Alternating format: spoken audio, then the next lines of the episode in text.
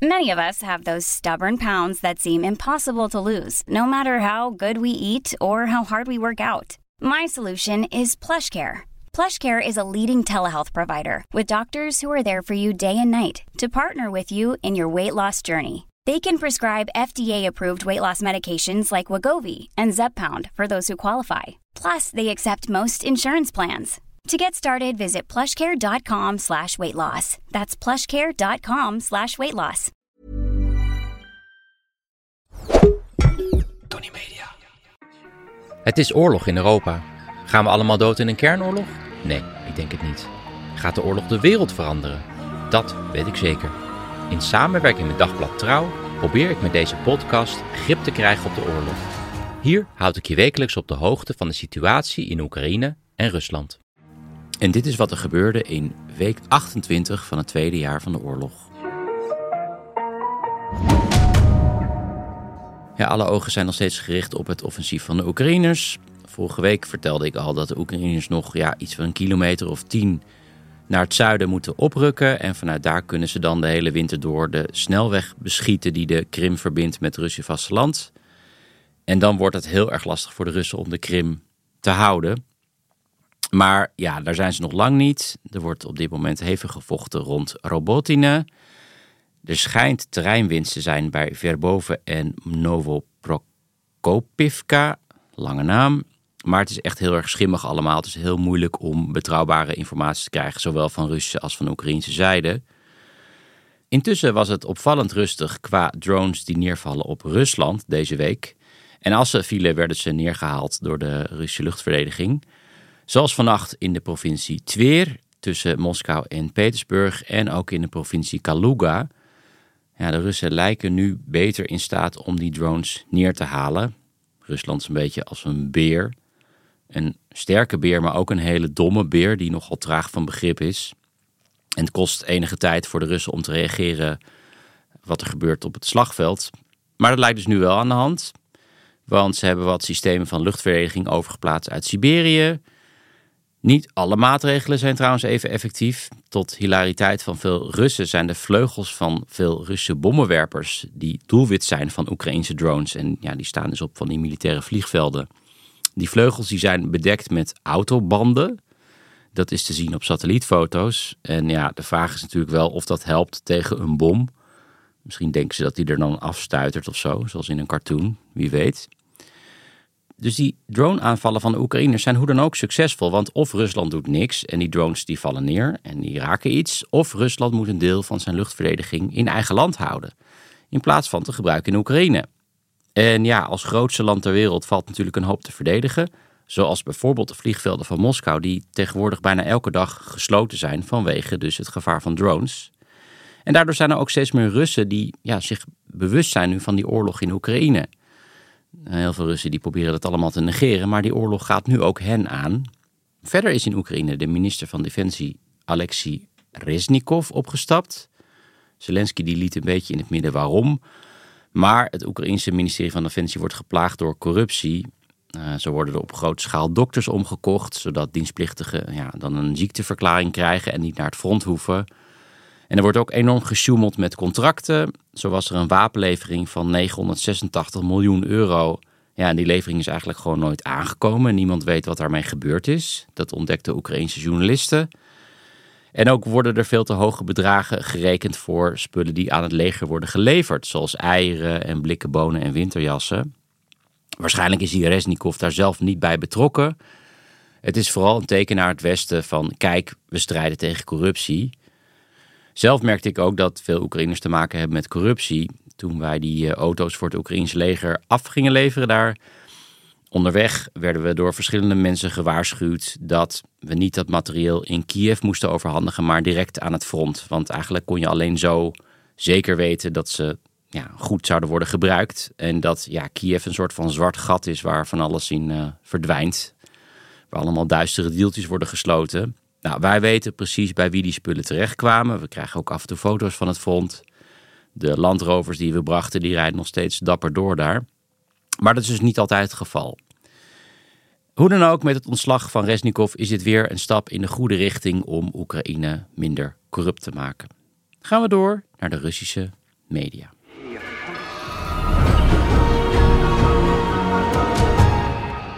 Ja, een opvallende foto op de Instagram-account van Xenia Sobchak. Dat is die Russische socialite. Ehm, ik heb het wel eens eerder eh, in de podcast over haar gehad. Ik had toen verteld dat ik een keer een bord eten over haar mooie jurk heb eh, gegooid. Haar account op Insta heet trouwens Bloedige Dame. En dat is dan weer een verwijzing naar een populaire tv-serie in Rusland met dezelfde naam. Gaat dan over een vrouw in de Russische adel. Speelt zich zo'n beetje af in, uh, ja, volgens mij de 18e eeuw. Eerst vermoordt ze haar man, dan vlucht ze Moskou uit. En daar buiten Moskou vermoordt ze nog eens 100 lijfeigenen. Dat zijn dus Russische boeren die uh, behandeld werden als slaven. Slavernij in Rusland is pas in 1861 afgeschaft. Hoe dan ook, hartstikke leuk om je te vernoemen naar zo'n uh, vrouw uh, als account. Maar in ieder geval vandaag dook op dat account een foto op van generaal Surovikin. Um, ja, hij loopt door zijn tuin met zijn vrouw. En Sapchak die schrijft erbij: levend, gezond, met gezin in Moskou. Nou, dit zijn een beetje de eerste beelden van Surovikin sinds de muiterij van Prigozhin in juni. Surovikin die zou die muiterij niet hebben gesteund, maar wel van tevoren op de hoogte zijn geweest van de muiterij. Hij was natuurlijk ook in grote lijnen eens met Prigozhin met de kritiek op uh, Shoigu. En sindsdien is een beetje onduidelijk wat het Kremlin met hem van plan is en of hij nog leefde. Nou, hij leeft dus nu wel, maar het lijkt erop dat hij niet meer in het leger actief is. Op de foto was hij in ieder geval gewoon in burgerkleding. Verder is Domino's Pizza eindelijk weg uit Rusland. Rijkelijk laat, net als Heineken trouwens, die onlangs uh, afhaakte. Domino's uh, heeft geprobeerd een Russische koper te vinden voor de keten. Maar die hebben dat nu opgegeven en laten gewoon alles achter. En die keten wordt nu overgenomen, of eigenlijk ja, gewoon geplunderd, door de Russische rapper Timati. Dit is zo'n beetje de enige rapper in de Russische hip-hop scene die Poetin steunt. De rest is al lang naar het buitenland gevlucht. En in 2018, op het hoogtepunt van ja, grootschalige demonstraties in Moskou, toen talloze mensen keihard werden neergeknuppeld door de Russische ME, schreef die Timothy het nummer Moskou. Hier hoor je een stukje. Мой лучший друг это президент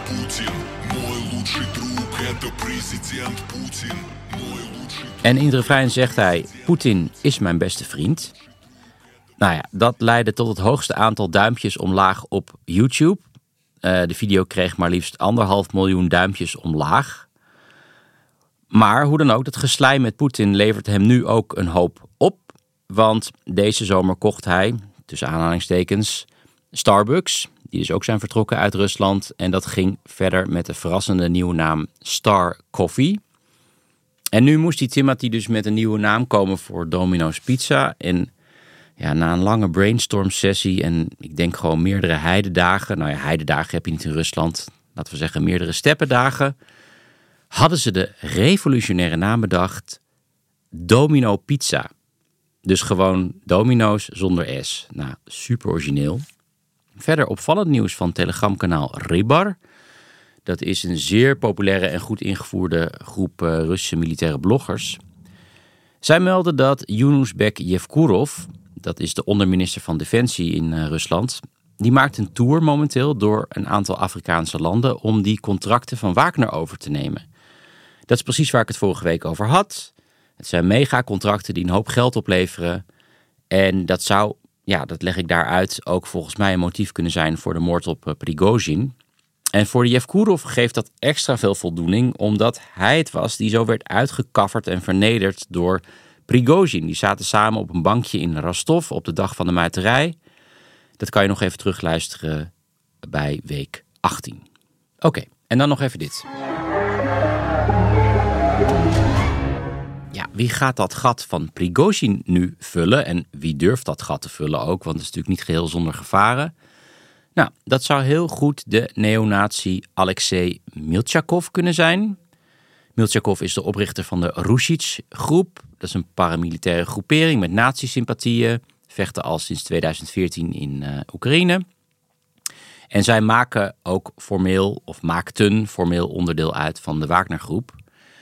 En die groep, Rusic, ja, die is echt verantwoordelijk voor talloze oorlogsmisdaden in Oekraïne. Zoals onder meer het martelen en executeren van Oekraïnse militairen in Izium. Daar is onlangs een massagraf ontdekt uh, waar 440 soldaten liggen. Maar er zijn ook gruwelijke filmpjes dat ze oren afsnijden van een soldaat en hakenkruisen op hun voorhoofd uh, kerven. In ieder geval, vlak na de dood van Prigozhin schreef deze Milchakov op zijn telegramkanaal... Laat dat een les zijn voor iedereen. Je moet altijd tot het einde doorgaan. Met andere woorden, Prigozhin had gewoon door moeten gaan naar Moskou. Nou, na de dood van Prigozhin heeft Rusic, die paramilitaire groep, zich teruggetrokken uit Oekraïne. Ze vechten daar niet meer. En daarmee zijn ze een beetje op ramkoers met het Kremlin. En in diezelfde week dat Prigozhin uh, doodging, kreeg ik een mail van een luisteraar, Matthijs Eikelboom. En die Matthijs had uh, deze Milchakov gespot in mijn serie van Moskou tot Moermansk, een serie over Rusland uit 2010. Voor een aflevering ben ik uh, op bezoek bij een groep neonazies in Sint-Petersburg. Ik kan me de scène nog wel herinneren, vooral omdat ze even snel de buste van Adolf Hitler hadden verstopt. Vond ze zelf kennelijk te ver gaan. Die zag ik gewoon op een slaapkamer staan en hebben ook gewoon nog een shot van gemaakt. Die Milchakov was toen in ieder geval een jaar of twintig. En ja, het leek me toen vooral een jongen die gewoon een beetje in de war was. Hij had ook heel veel messen bij zich. Um, we zijn zelfs nog met ze gaan barbecuen. Bizar genoeg, hele maffe scène. Ik zet nog een link naar de aflevering in de show notes. Maar op dat moment had ik me nooit kunnen voorstellen dat deze rare jongen zou uitgroeien tot mogelijk een directe tegenstander van Poetin. Bij mij aan de lijn vanuit Boston is journalist en filmmaker Sofia Kornienko. Sofia, goedemorgen. Goedemorgen. Voor mij. Fijn dat je, ja, fijn, dat je zo, fijn dat je zo vroeg op kon staan. Ben je, ben je een beetje wakker? Heb je wat koffie gehad? Uh, ik zit thee te drinken, Earl Grey. Okay. Ik ben helemaal okay. geen ochtendmens. Oké. Maar soms voor mijn werk bij Radio for Europe moet ik tegenwoordig night, night shifts werken door tijdsverschil. Dus ik ga dan liever helemaal niet naar bed dan nog opstaan. Oké, lekker doorhalen. Ik heb, uh, ik heb een keer een reis gemaakt in India. En dan zou je denken, in India hebben ze wel Earl Grey. Dus ik heb echt, nou ja, echt maandenlang overal Earl Grey gevraagd. Nergens hadden ze het. Totdat een ober zei, Ah, you mean early gay? Yes, we have early gay. Dus zo, zo, spraken ze dat uit. Ze hebben een beetje een soort van eigen Engels daar. Dus moet ik al altijd denken als ik, uh, als ik over Earl Grey hoor. Nou, dit is helemaal niet uh, on topic. Uh, de topic is namelijk een korte animatiefilm die jij onlangs maakte. Die heet niet Tea, maar die heet Coffee. Um, waarin je eigenlijk het verhaal vertelt van Olha Ostapienko, gevlucht uit Sumy in het noorden van Oekraïne film heeft intussen heel veel prijzen gewonnen en is gewoon te bekijken op YouTube. Voor de luisteraars natuurlijk zet ik een link in de show notes. Um, om te beginnen, hoe ontstond het idee voor deze film? Um, ja, ik um, heb toen we nog in België woonden, want ik woon pas sinds uh, mei 2022 in de VS. Mm -hmm. Dus uh, toen de oorlog uh, begon in, uh, ik bedoel, um, de invasie van februari ja. 2022 begon, uh, woonden we nog in België. En um, we hebben mensen ontmoet op straat die uit de Dessen waren gevlucht. En omdat we toen een klein appartementje leeg hadden staan in mm -hmm. Antwerpen, hebben we gezegd, willen jullie daar zitten? Een gezin okay. van zes mensen. Die zitten daar nog steeds tegenwoordig. Oh, wat en, goed. Um, Tenminste, wat goed. Uh, ja, die hebben met daar samen. Ja, die inmiddels uh, huren zit. Maar het is okay. nog steeds hartstikke krap, maar ze kunnen nergens anders wat huren. Ja. Um, en er is dus geen zicht op wanneer het eindigt, wanneer ze terug kunnen. En er kwamen ja, steeds meer, ik. steeds meer Oekraïners in Antwerpen. Die kon het gewoon echt de oorlog zien en voelen op straat. -hmm. En ik wilde iets doen, ik wilde iets, iets bijdragen uh, als journalist of, of, animator. Dus ik dacht, ik ga mensen interviewen. En zo is uh, dit project ontstaan, want uh, de mensen die bij ons dus in het appartementje zitten, hebben mij ehm, samengebracht met die mensen die personages zijn geworden in de film. Okay. Um, het is uh, moeder en dochter die de ja. eerste week uh, onder de bombardementen van de Russen in de stad Sumy zaten. Mm -hmm. um, maar daarna heb ik dus ook nog veel andere verhalen gehoord en mensen gesproken die misschien schokkender waren. Zoals uh, van een klein meisje die um, later gevlucht was um, uit uh, uh, Oekraïne. Mm -hmm. en die uh, weet je, het meisje, we hebben ook een klein meisje in het appartementje zitten van ons. En dit meisje is ook ongeveer dezelfde leeftijd uit mijn, de dochter van de personage uit mijn film.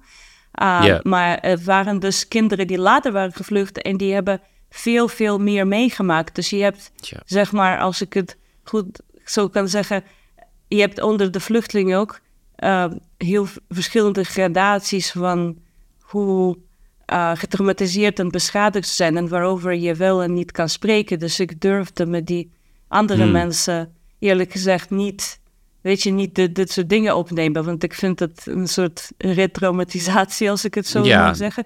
Maar bij kwamen dat er weer allemaal nare herinneringen naar boven. Ja. En ze zei bijvoorbeeld dat tweede meisje dat, uh, ja, uh, ik heb geen, geen vrienden hier in België. En het andere meisje die eerder was gevlucht, die zei: Ja, uh, maak je geen zorgen, het komt goed. Je gaat nieuwe vriendinnetjes uh, maken op de nieuwe school. En ze zei: Mijn beste vriendin is gewoon doodgeschoten in haar achterhoofd. Ja. Ach, dus weet je, dan weet je niet wat je moet zeggen. Nee, dat snap ik. Dat snap ik. Um, even over je film, uh, Sofia. Er, speelt een belangrijke rol. Uh, een, een teddybeer speelt daar een, eh, belangrijke rol in. Waarom heb je gekozen voor ja, een teddybeer als personage?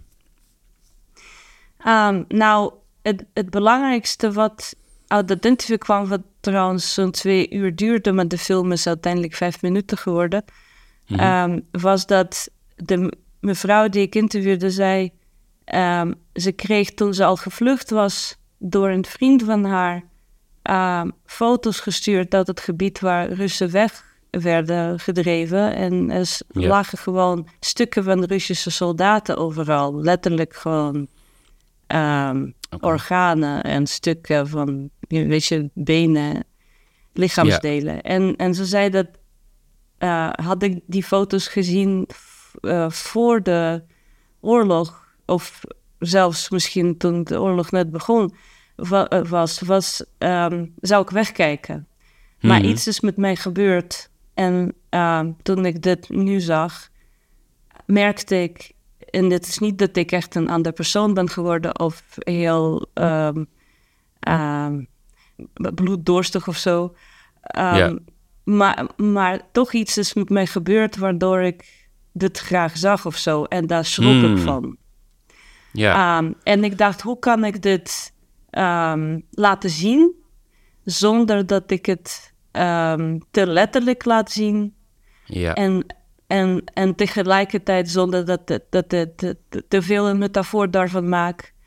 Ja. En ik dacht, als ik alle personages um, gewoon teddybeers maak, uh, die in stukken worden gescheurd, um, dan kan, kan de boodschap misschien wel uh, overgebracht worden zonder mm -hmm. dat, dat je niet niet wil kijken. Want we zijn allemaal zo moe. We hebben een soort, iemand heeft heel mooi, mooi gezegd recent, we hebben herd immunity voor, dit, voor de oorlog gekregen. Net als met COVID ooit, weet je? Ja, denk je? Denk je dat dat intussen zo... Ik, ik vraag me af hoor. Ik denk dat nog steeds wel mensen geschokt zijn als ze weer horen over een nieuw bombardement. Alleen het is, het is wel steeds moeilijker, heb ik het idee. Dat het doordringt.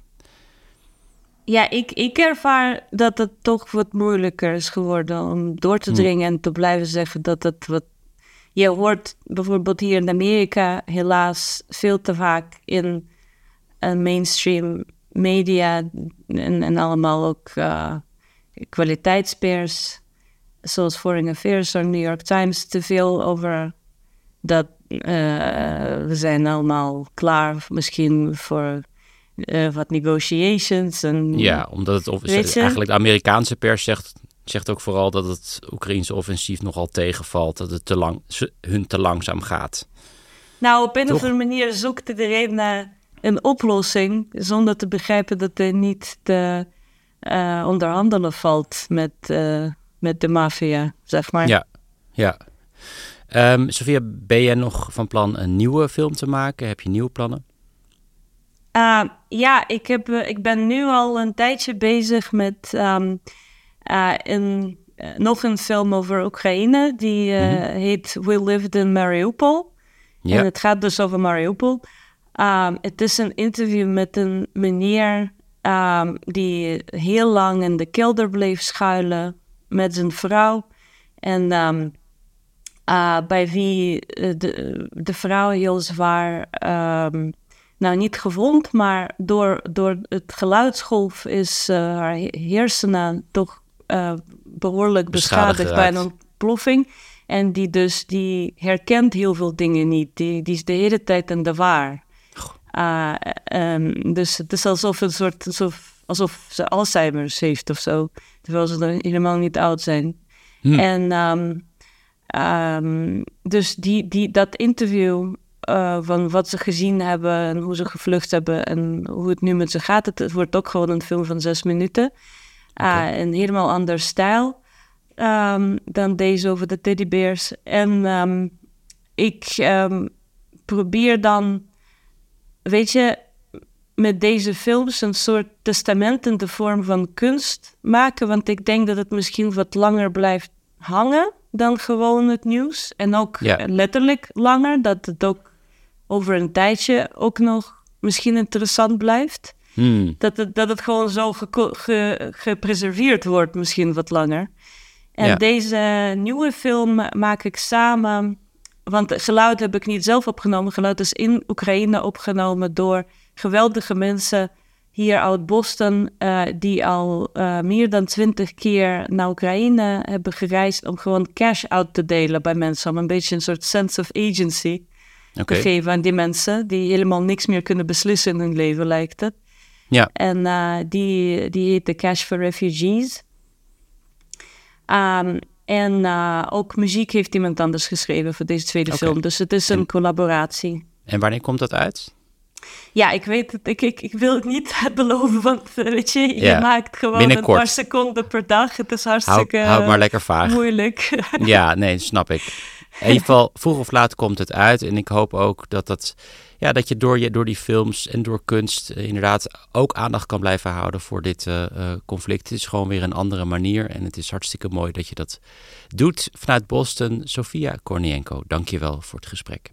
Dank je, Jelle. Dit was het voor deze week. Vragen en opmerkingen voor de podcast zijn natuurlijk altijd welkom. Uh, tips voor leraren Oekraïens trouwens ook. Uh, ik ben op dit moment Oekraïens aan het leren. Dan bedoel ik niet mensen met wie ik kan converseren, want die heb ik wel, maar echt iemand met kennis van Oekraïnse grammatica en die dat ook kan uitleggen. Ik heb Duolingo wel zo'n beetje uitgespeeld nu. De e-mail van de podcast staat in de show notes. Verder, we zoeken nog adverteerders voor de podcast, want zonder sponsoring kan de podcast niet bestaan. Ik heb het idee dat veel bedrijven worden afgeschrikt omdat deze podcast over de oorlog gaat. Maar deze podcast heeft een grote groep trouwe luisteraars. Dus ja, doe er je voordeel mee. Geïnteresseerde bedrijven kunnen mail sturen naar adverteren.tonnymedia.nl. Tony is met een Y. Verder dit najaar mijn theatercollege met Ruben Terlouw. Er zijn nog kaartjes voor onze try-out op 4 oktober in Amsterdam. Ik zet de hele speellijst in de show notes. Ik ben er weer volgende week. Tot dan.